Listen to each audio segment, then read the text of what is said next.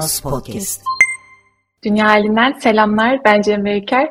Bu haftanın öne çıkan başlıklarını Ömer Murat'la ele alacağız.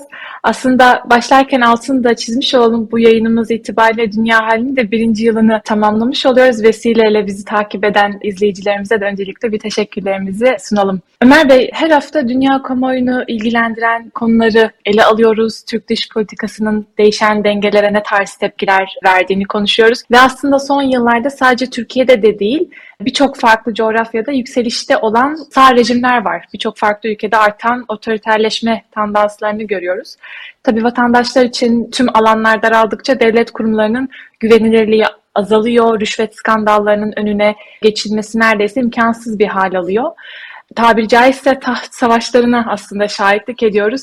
Sizin de benzer otoriterleşmeleri ilgili düşüncelerinizi almak isterim. Aslında Türkiye Erdoğan rejiminin bu son 5-10 yıllık dönemi öncesine kadar dünyada yarı otoriter, işte askeri vesayet rejimi gibi ifade edilmeye, tanımlanmaya çalışılan bir rejimdi. Orta Doğu ve Orta Asya'daki ülkelere benzer tarafları olmakla birlikte kendine has bir demokrasi hikayesi olan, tarihi olan bir ülkeydi. Bazen Mısır ve Pakistan yani ordunun biraz rolünün fazla olmasından dolayı Mısır ve Pakistan'la benzeştirilirdi ama onlardan daha farklı bir ülke olduğu da kesindi. Özellikle Batı ile ilişkileri dolayısıyla belirli demokratik kurumların daha fazla gelişmiş olmasıyla. Ama bu son 5-10 yıllık dönemde aslında hiç de pek de özgün olmayan bir yapıya evrildi Türkiye. Orta Asya'da, Orta Doğu'da örneklerini gördüğümüz yolsuzluğun ve otoriterliğin yaygın olduğu bir rejime dönüştü. Bunun işte e, Latin Amerika'da farklı versiyonları da var. Hepsi de sağ rejimler de değil. İşte Latin Amerika'da bunun sol varyasyonlarını da bulabiliyoruz. Bu konuda belki bir anekdotla başlayabiliriz. Görev yaptığım bir ülke, ismini vermeyeyim polemik olmasın çünkü asıl konu o değil. Otoriterliğin ve yolsuzluğun yaygın olduğu bir ülkeydi. O ülkede bir Türk şirketinin gümrükte bir malı kalmış. Yani o ülkenin içerisine satmak için sokmak istediği mallar gümrükte takılmış, rüşvet istiyorlar. Bu şirkette Türkiye'deki hükümete demek bir şeyleri vardı, e, tanışıklıkları vardı. E, onlara ulaştı. Onlar üzerinden Büyükelçi'ye telefonlar gelince Büyükelçi bu meseleyi hemen sahiplendi ve onun devreye girmesiyle de bu tır serbest bırakıldı. Daha sonra şöyle bir haber geldi e, o ülkenin gümrüğünden Büyükelçiliğe. Biz o tırın parasını kendi cebimizden verdik dediler. Yani Türk Büyükelçisi bilsin biz hani o devreye girince bıraktık ama tırın parasını kendi cebimizden verdik. Şimdi bu ne demek? Şimdi bu şu demek. Bu tip otoriter ülkelerde tabiatıyla böyle bir paralel bir rüşvet çarkı dönüyor. Ve bu rüşvet çarkında en büyük payı kimilerine göre bunlar tabii tamamen spekülasyon. Rüşvetin en kritik bir bölümünün o ülkenin idareci elitinin ailesine gittiğinde bir şüphe yok da işte kimileri diyor ki bunun %50'si onlara gider. Geri kalan da işte alt taraftakilere bakan müsteşar artık oradaki neyse daire başkanından alt, en alt memura doğru böyle bir dağılma olur. Yani hani bu rüşvet deyince Türk filmlerinde olur bu evran arasına para koyma. Böyle değil. Sıkıştırma bu, yani, Rüşvetin masumu olmaz ama yani bu çok şey kalıyor. Bu tamamen böyle kurumsallaştırılmış bir rüşvet mekanizması.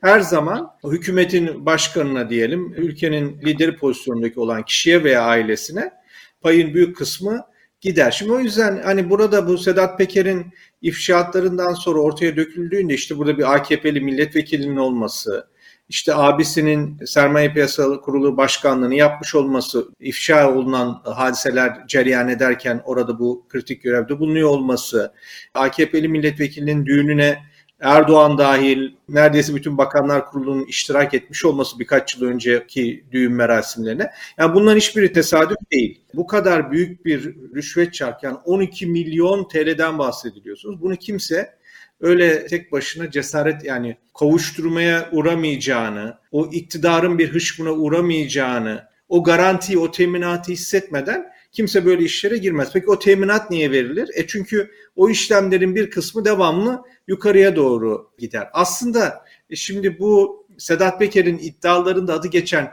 Marka Yatırım Holding şirketinin patronu Mine Tozlu Sinerel işte bu olaylar ortaya çıkınca televizyonda bazı açıklamalar yaptı. Orada çok dikkat çekici bazı ifadeleri var. Benim bu anlatmaya çalıştığımı çok açık bir şekilde anlatan. Şöyle diyor. Kumarda nasıl masa kazanırsa bizim borsadaki şirketlerde daima patron kazanır. Sistem bu şekilde evet. kurmuştu. Borsa ile ilgili tecrübem yokken benim kapıma sürekli komisyon isteyen kişiler gelmeye başladı. Sistem patron hissesine dayalı olduğu için buradaki şahıslar patronun satacağı hisselerden para kazanan kişiler. Rüşvet işte burada dönmeye başlıyor. Halka açık olmanın bir anlamı yok. Halka açık olmak demek patronun kasasına ne kadar para girecek ve bu para kimlerle paylaşılacak? Sistem bu şekilde kurulmuş dedi. Yani aslında burada hani şirket patronlarından bahsediyor ama yani burada bir de büyük bir patron olmadan bu sistemin bu kadar rahat işletilmesi, korkusuz işletilmesi, küçük yatırımcının keri silkelemek diyorlar, yatırımlarına böyle alavereler, dalaverelerle el koyulması mümkün değildir. Aynen 17-25 Aralık soruşturmalarında da gördük biz bunu. Ülkenin kurumlarının itibarı kullanılarak kişisel kazanç elde ediliyor ve o kurumların içi boşaltılıyor. O kurumların dünyadaki itibarı yerle bir ediliyor ve bunun Türkiye ekonomik sonuçları oluyor.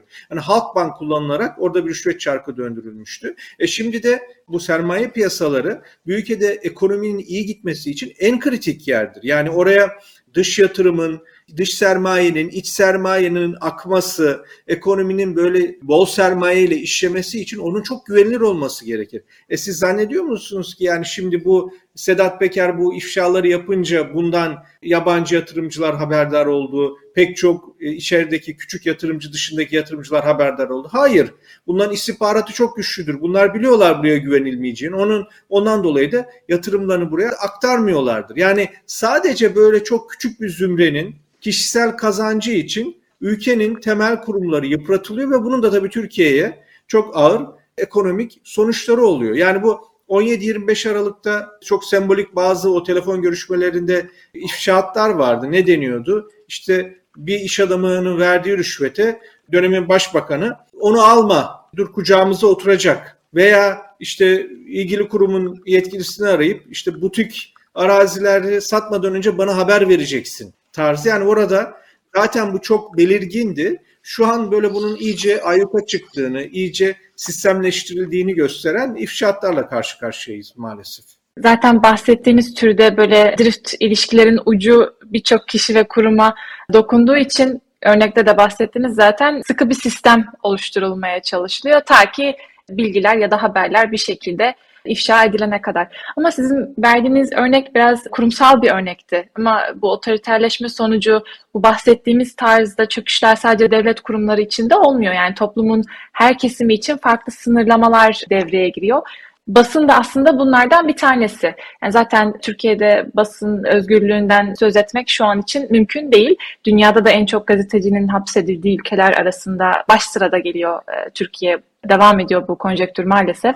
Birçok farklı türde sansür mekanizmaları var. Geçtiğimiz günlerde de Reuters'da önemli bir haber yayınlandı. İletişim Bakanlığı'nın resmi olmayan vesilelerle işte WhatsApp mesajlarıyla vesaire farklı basın kuruluşlarını kontrolü altında tutması gibi bir haberdi. Basın organlarını yönlendirilmesiyle ilgili. Nasıl yorumluyorsunuz bu haberin Reuters'da yer almasını? Reuters'taki özel haber bizde bilmediğimiz hiçbir şey söylemiyor. Biz aslında Türkiye'deki. Basının %90 oranında iktidar tarafından kontrol altında tutulduğunu biliyoruz. Ama hı hı. bunun artık dünyada çok daha fazla görüldüğünü, anlaşıldığını, anlamına geliyor bu öyle bir özel haber. Ve haberdeki ayrıntılar da ilginç. Tabii şimdi Reuters gibi böyle dünyanın önde gelen haber ajanslarından biri bunu böyle özel haber yaptığı vakit bu artık dünyadaki kamuoyunun da bu yönde iyice şekillenmekte olduğunun bir işaretidir. Ve, bir algı e, oluşmuş e, oluyor. Evet yani artık oturuyor. Türkiye'nin hani böyle tipik bir Orta Doğu, Orta Asya otokrasilerinden birine dönüştüğünün, basın özgürlüğünün olmadığının, basının iktidarın talimatıyla tüm haberleri yaptığını giderek daha fazla anlaşılıyor. Eskiden de Türkiye'de basın özgürlükleri sıkıntılıydı ama bu kertede değildi. Bu yani, denli değildi. Doğru. Evet yani orada bazı verdiği örnekler var. Mesela Berat Albayrak. Ya Berat Albayrak Instagram hesabından istifa ettiğini açıkladı. İlginç bir mektupla işte atizi itizine karıştı dedi. Evet sonra o Instagram hesabı kapatıldı ama Berat Albayrak çıkıp da hayır ben istifa etmedim veya o Instagram hesabım hacklendi hiç öyle bir şey söylemedi. Ama hiçbir açıklama yok. Ve o an Reuters'ın haberinde bu ekran görüntüleri de olduğu söyleniyor. İşte talimat veriliyor bütün bu Türk medyasına. Bunu haber yapmayacaksınız. 24 saat boyunca Türk medyası bunu haber yapamadı. Sosyal medyada bu konuşuldu, tartışıldı, dış medyada bu konuşuldu. Bunu anlatıyor.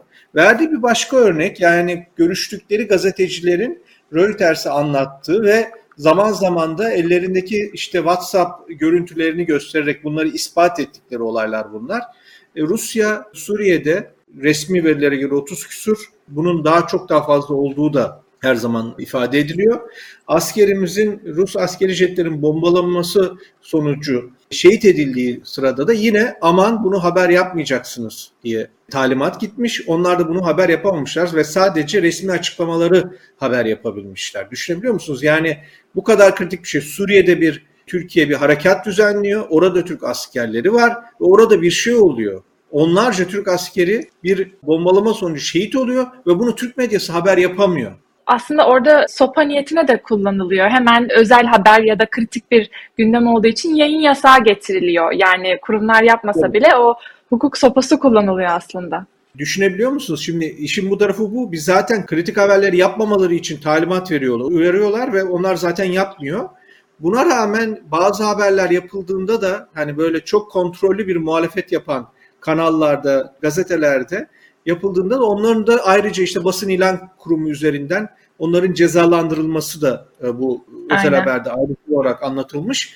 Ve dikkatimi çeken bir hususta yani bunun Erdoğan rejiminin medya üzerindeki böyle mutlak kontrolünün ister istemez seçimlere de etki edebileceğini işaret ederek bu özel haberin sonuçlandırılmış olması dikkat çekici çünkü şöyle diyor orada haberin sonunda. Yani bu İstanbul seçimlerinde yaşananları anlatıyor. Anadolu Ajansı'nın birden verileri kesmesini, sonra bu verileri neden kestiğini açıklayamamasını, daha sonra bu iktidarın medya üzerinden seçim galibiyeti ilan etme teşebbüsünü, sonra seçimi iptal ettirmesini ve yenilmesini.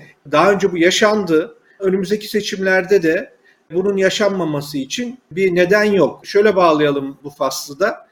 Erdoğan rejiminin gelmiş olduğu aşamada Türkiye'de artık böyle bir seçimle değişimin çok zor olduğunu, imkansız kadar zorlaştığını düşünüyorum. Yani seçim günü Anadolu Ajansı farklı bir sonuç açıklarsa, YSK bunu onaylarsa, yani bunların hepsi talimat da artık hareket eden kurulumlar haline geldi.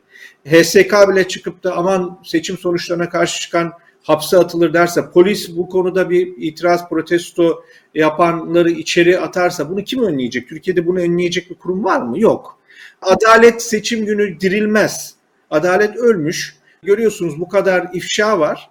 Hiçbir savcı çıkıp da soruşturma açıp bunun peşine düşmüyor. Ki ortada Erdoğan'ın ailesinden bahsetmiyoruz, Erdoğan'ın kendisinden bahsetmiyoruz. Bir AKP milletvekili ve abisi. Yani nispeten uzak kişiler Savcılar cesaret edemiyor bunlara karşı soruşturma açmaya. Adalet nasıl dirilecek seçim günü yolsuzlukların, usulsüzlüklerin üzerine gitmesine? Yalnız şimdi bunu söyleyince de sanki böyle bir şey oluyor. Hani Erdoğan seçimle de gitmez, hiç gitmez. Böyle de değil. Gider. Eğer bir toplum o rejimden artık memnun değilse, o rejimin bir sorun olduğunu düşünüyorsa, onun hayat standartlarını düşürdüğünü, onu fakirleştirdiğini düşünüyorsa o rejimden kurtulmanın bir yolunu bulur. Ama maalesef bu yumuşak bir geçiş olmaz. Sancılı, beklenmedik, çalkantılı olaylarla olur barışçıl sivil bir direniş gerekiyor. Yani mesela bu tarz bahsettiğimiz ihlallere aslında uluslararası tepkiler de geliyor. Mesela Yunanistan'da e, şu anda gazetecilere, basın kuruluşlarına aynı minvallerde baskılar söz konusu. Ciddi ihlaller var. Önde gelen gazetecilerden eminim sizler de takip etmişsinizdir. Tanasis, Kukasis'in telefonunda bir casusluk yazılımı bulundu ve sonuçta istihbarat teşkilatı başkanı istifa etti ve Avrupa Parlamentosu'nun da yakından takip ettiği bir gündem. Türkiye'nin de aslında aslında radara birçok kez giriyor olması lazım bu tarz ihlallerde. Aslında haftanın belki de tarihe not düşülecek en önemli haberi Sovyetler Birliği'nin son lideri Gorbaçov'un vefatı. Zaten siz de bu haftaki köşe yazınızda Sovyetleri komünizm yıktı, Gorbaçov kurtarmaya çalıştı şeklinde bir başlık atmıştınız. Biraz bu ismin ne temsil ettiğinden konuşalım arzu ederseniz bıraktığım yerden çok rahat alabileceğimiz bir şey Gorbaçov'un hikayesi. Gorbaçov 1980'lerde Sovyetleri idaresine aldığında toplum artık mevcut rejimden memnun değil ve bir değişim arzuluyor. Gorbaçov da bu değişimi temsil eden bir lider. Gorbaçov artık iktidara geldiğinde, ya lider olduğunda diyelim, şöyle bir şey var. Sovyet eliti artık bu serbest piyasa ekonomisinin planlı ekonomiden üstün olduğunu kabullenmiş durumda. Ve işte orada politbüroda bir ciddi bir bölünme söz konusu. Bir an evvel serbest piyasa ekonomisine geçelim. Bu komünizm, bu deneyim bizi fakirleştiriyor diyenlerle eski tüfekler, şahinler, sotikocular arasında bir gerilim var. Gorbaçov işte böyle bu tarihi süreçte daha çok bu serbest piyasacı tarafı da olmakla birlikte daha böyle bir orta yol içerisinde bunu götürme taraftarı olan bir isim aslında. Fakat bunu tabii gelişmeleri kontrol edemiyor. Gelişmeleri kontrol edememesinin şahsen ben o döneme ilişkin yaptığım ayrıntılı okumalarda hep bu kanaate varıyorum. En önemli nedenlerinden biri bu Yeltsin liderliğindeki bu daha radikal reformcuların kontrol edememesi. Onları kontrol edemeyince statikocular da kendisine yönelik bir darbe girişiminde bulunuyor. Onu iyice zayıflatınca artık tüm kontrol elinin altından gidiyor. Oysa onun kafasında yani bugün işte Çin'de Komünist Partisi yönetiyor ama Çin devlet kapitalizmine geçti. Aslında Gorbaçov'un da kafasında böyle bir şey var. Yani peyderpey kontrollü bir şekilde geçiş. Fakat bunu başaramıyor. Onun dışında ama Gorbaçov bir devlet adamı. Bunu başaramamasının nedeni yani Çin'le kıyasladığımızda sadece acaba mümkün müydü diye de bunu sorabiliriz. Yani acaba gerçekten Çin'de olan Çin çok dersler aldı bu arada. Yani Rusya'da o yaşanan ekonomik çöküş, halkın yaşadığı sefalet 90'larda. E bunların e, Komünist Partisi'nin böyle silinmesi, tüm bunlardan çok dersler çıkardı Çin. Ama Çin'le Rusya'nın şöyle bir farklılığı var. Rusya Doğu Avrupa'da Sovyetler kendi idaresini istemeyen geniş bir halk kesimiyle karşı karşıyaydı.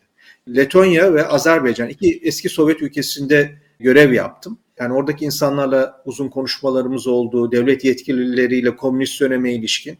Sovyet döneminde bu Doğu Avrupa'daki halklar milli kültürlerinin, milli egemenliklerinin bastırılmış olmasına hep bir kızgınlık duymuşlar. Kendi dillerinin, kendi kültürlerinin Sovyet ve Rus kültürü tarafından bastırılmış olması onları hep kızdırmış. İkincisi ise e, bu yoksulluk yani fakirlik. Yani komünizm bir refah getiremiyor. Letonya'da bir kere bir konuştuğum bir kişi ya dedim hiç mi komünist dönemden özlediğiniz bir şey yok muydu diye bana şu manidar cevabı vermişti. Aslında hepimiz eşittik. O özlenen bir şey ama dedi hepimiz yoksullukta eşittik dedi. Kapitalizmin o şeyi kötü dedi. Yani devamlı hiçbir şey yetmiyor. Bir araba aldığınızda daha iyisini almanız, bir ev aldığınızda daha iyisini almanız. Tatminsizlik her zaman sizi daha fazla çalışmaya, daha fazla hırsa itiyor. Bu da yorucu bir şey dedi. Evet. Ama hani ben hani özlediğimi söyleyemem dedi komünist dönemi. Ama orada hani bir eşitlik vardı. Ama bu yoksullukta eşit değil. Hepimizin yoktu dedi. Hepimizin düzgün bir arabası yoktu. Hepimizin üzerinde düzgün kıyafetler yoktu gibi. Gö- göze batan bir farklılık zaten yok. Yani o yüzden böyle hani bunu çok nostaljiyle anlayacak bir dönem değil. Özellikle bu Sovyet hakları tarafından. Bu geçiş döneminin kansız olması, barışçıl bir şekilde olması, Batı ile müzakereyle olması bakımından Gorbaçov bir devlet adamlığı gösterdi. Belli oranda başarılı oldu. Belli oranda da başarısızlıkları var tabii ki. E bu başarısızlıkların bir bölümü kendi belki yetersizlikleriyle ilgili ama bir bölümü de belki imkansız bir görevi üstlenmişti. Ülkesinin beklentisi çok imkansız bir işti. O da bunu o beklentileri karşılayacak şekilde belki yapamadı.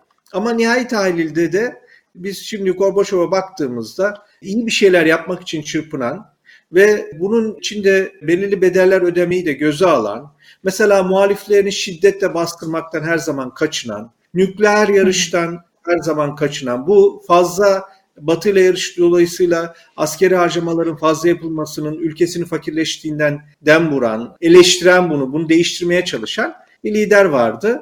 Ben tarihin Gorbaçov'a bugünden daha olumlu yaklaşacağını zannediyorum. Biliyorsunuz tarih her dönemdeki bakışlar kimin yazdığına bağlı olarak değişiyor. Bugün de aslında Doğru. çok kötü bir yeri yok tarihte Gorbaçov'un genel olarak. Ama bunun daha da iyileşeceğini zannediyorum.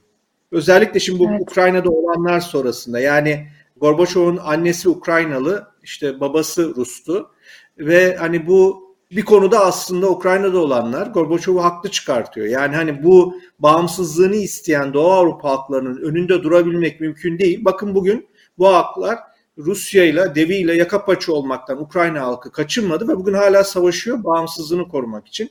Demek ki yani Rusya'nın bu ülkeler üzerindeki hakimiyetini devam ettirmesi o zaman da o kadar kolay değildi.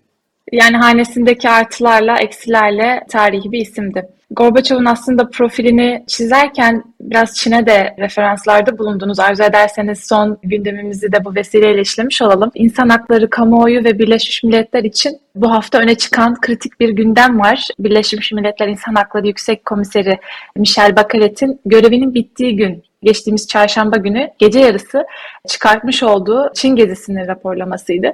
Türkiye için belki çok alışılagelmiş bir praktis ama BM'de çok gece yarısı raporlamalarına alışkın değiliz aslında. Bunun neden sansasyonel olduğundan ben biraz bahsetmek istiyorum.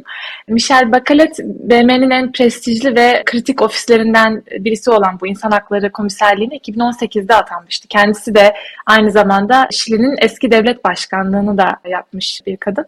Tabii bu dört yıllık süre zarfında aslında diplomatik kimliğinden çok da fazla sıyrılamaması ve insan hakları savunucusu olarak edinmesi gereken bir tık daha sert üslubu ve üye ülkeleri aslında kritize etmekten çokça kaçınması bayağı bir eleştiriliyordu zaten ofise geldiği ilk günden beri.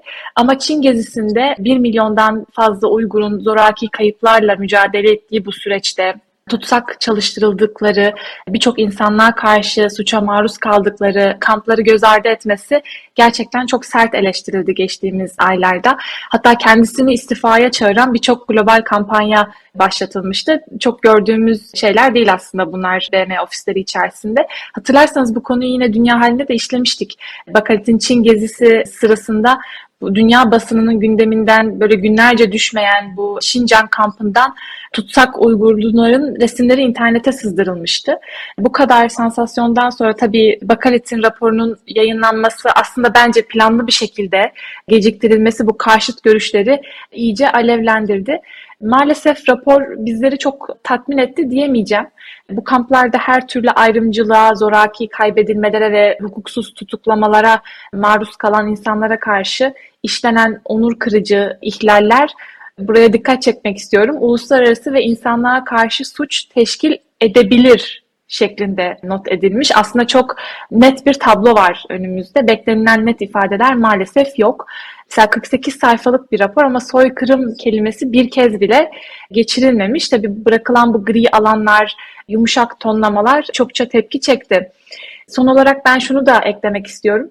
Birleşmiş Milletler üye ülkelerinin çoğunluğunun hukuki sistemlerine entegre ettikleri bir değer var. Koruma sorumluluğu. Bu çerçevede soykırım suçlarına sadece Birleşmiş Milletler, işte Avrupa İnsan Hakları Mahkemesi, Uluslararası Ceza Mahkemesi gibi kurumların değil, üye devletlerin de farklı yaptırımlar vesilesiyle tepki vermesini bekliyoruz. Hep işte Rusya-Ukrayna gündeminde konuştuğumuz sosyal ekonomik yaptırımlar gibi. Tabii 3 hafta sonra New York'ta BM'nin genel kurul toplantıları başlayacak. Sadece devlet başkanları değil, arka perdede birçok diplomatın da görüşmesi, konuşması olacak. Bu konuyu Eylül'de kimler yeniden gündeme getirecek açıkçası merakla takip ediyor olacağım.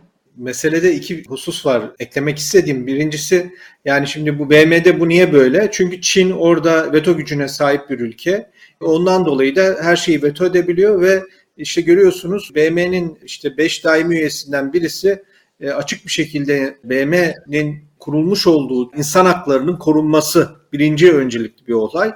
E bunu ama ihlal ettiğinde Rusya için aynısı geçerli. Yani egemen bir devletin topraklarını işgal etti.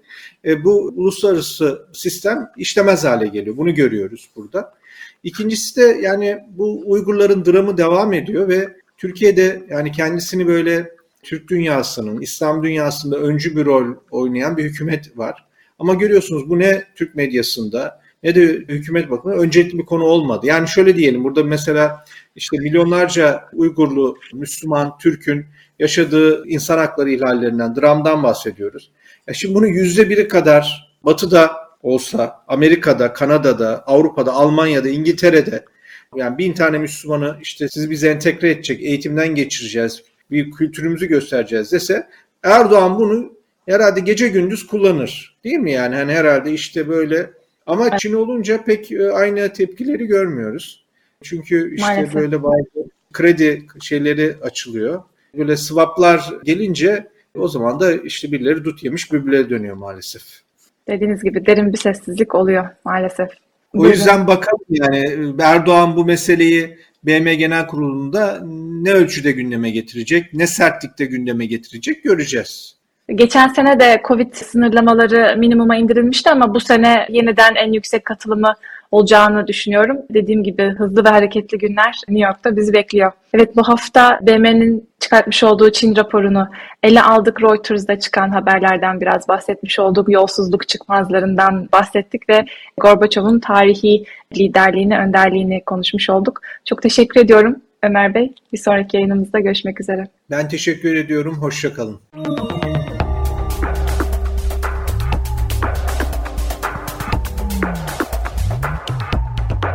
Kronos Podcast